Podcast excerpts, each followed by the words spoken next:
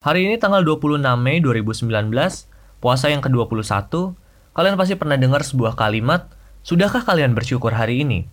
Bersyukur mungkin terlihat mudah, namun praktiknya sulit untuk dilakukan. Karena bersyukur bukan hanya tentang sekedar kata, tetapi bagaimana hati kita juga benar-benar bisa ikut menerima. Pada dasarnya, sifat manusia memang diciptakan untuk tidak mudah merasa puas. Kita selalu saja membandingkan setiap pencapaian kita dengan pencapaian orang lain. Padahal, setiap pencapaian yang kita dapatkan ada campur tangan dan atas kehendak Tuhan. Bahagia itu kuncinya cuma satu, yaitu bersyukur. Topik rekaman hari ini spesial, bukan dari gue, tapi dari kalian. Ada beberapa topik yang gue terima, mulai dari mudik, cerita cinta, push rank PUBG, terus juga tentang daur bunga. Gue memilih topik tentang bersyukur. Topik ini diberikan oleh Kanisa Sahati. Terima kasih buat kalian semua yang sudah memberikan topik rekaman gue hari ini. Terima kasih, gue Zaki Irwandi.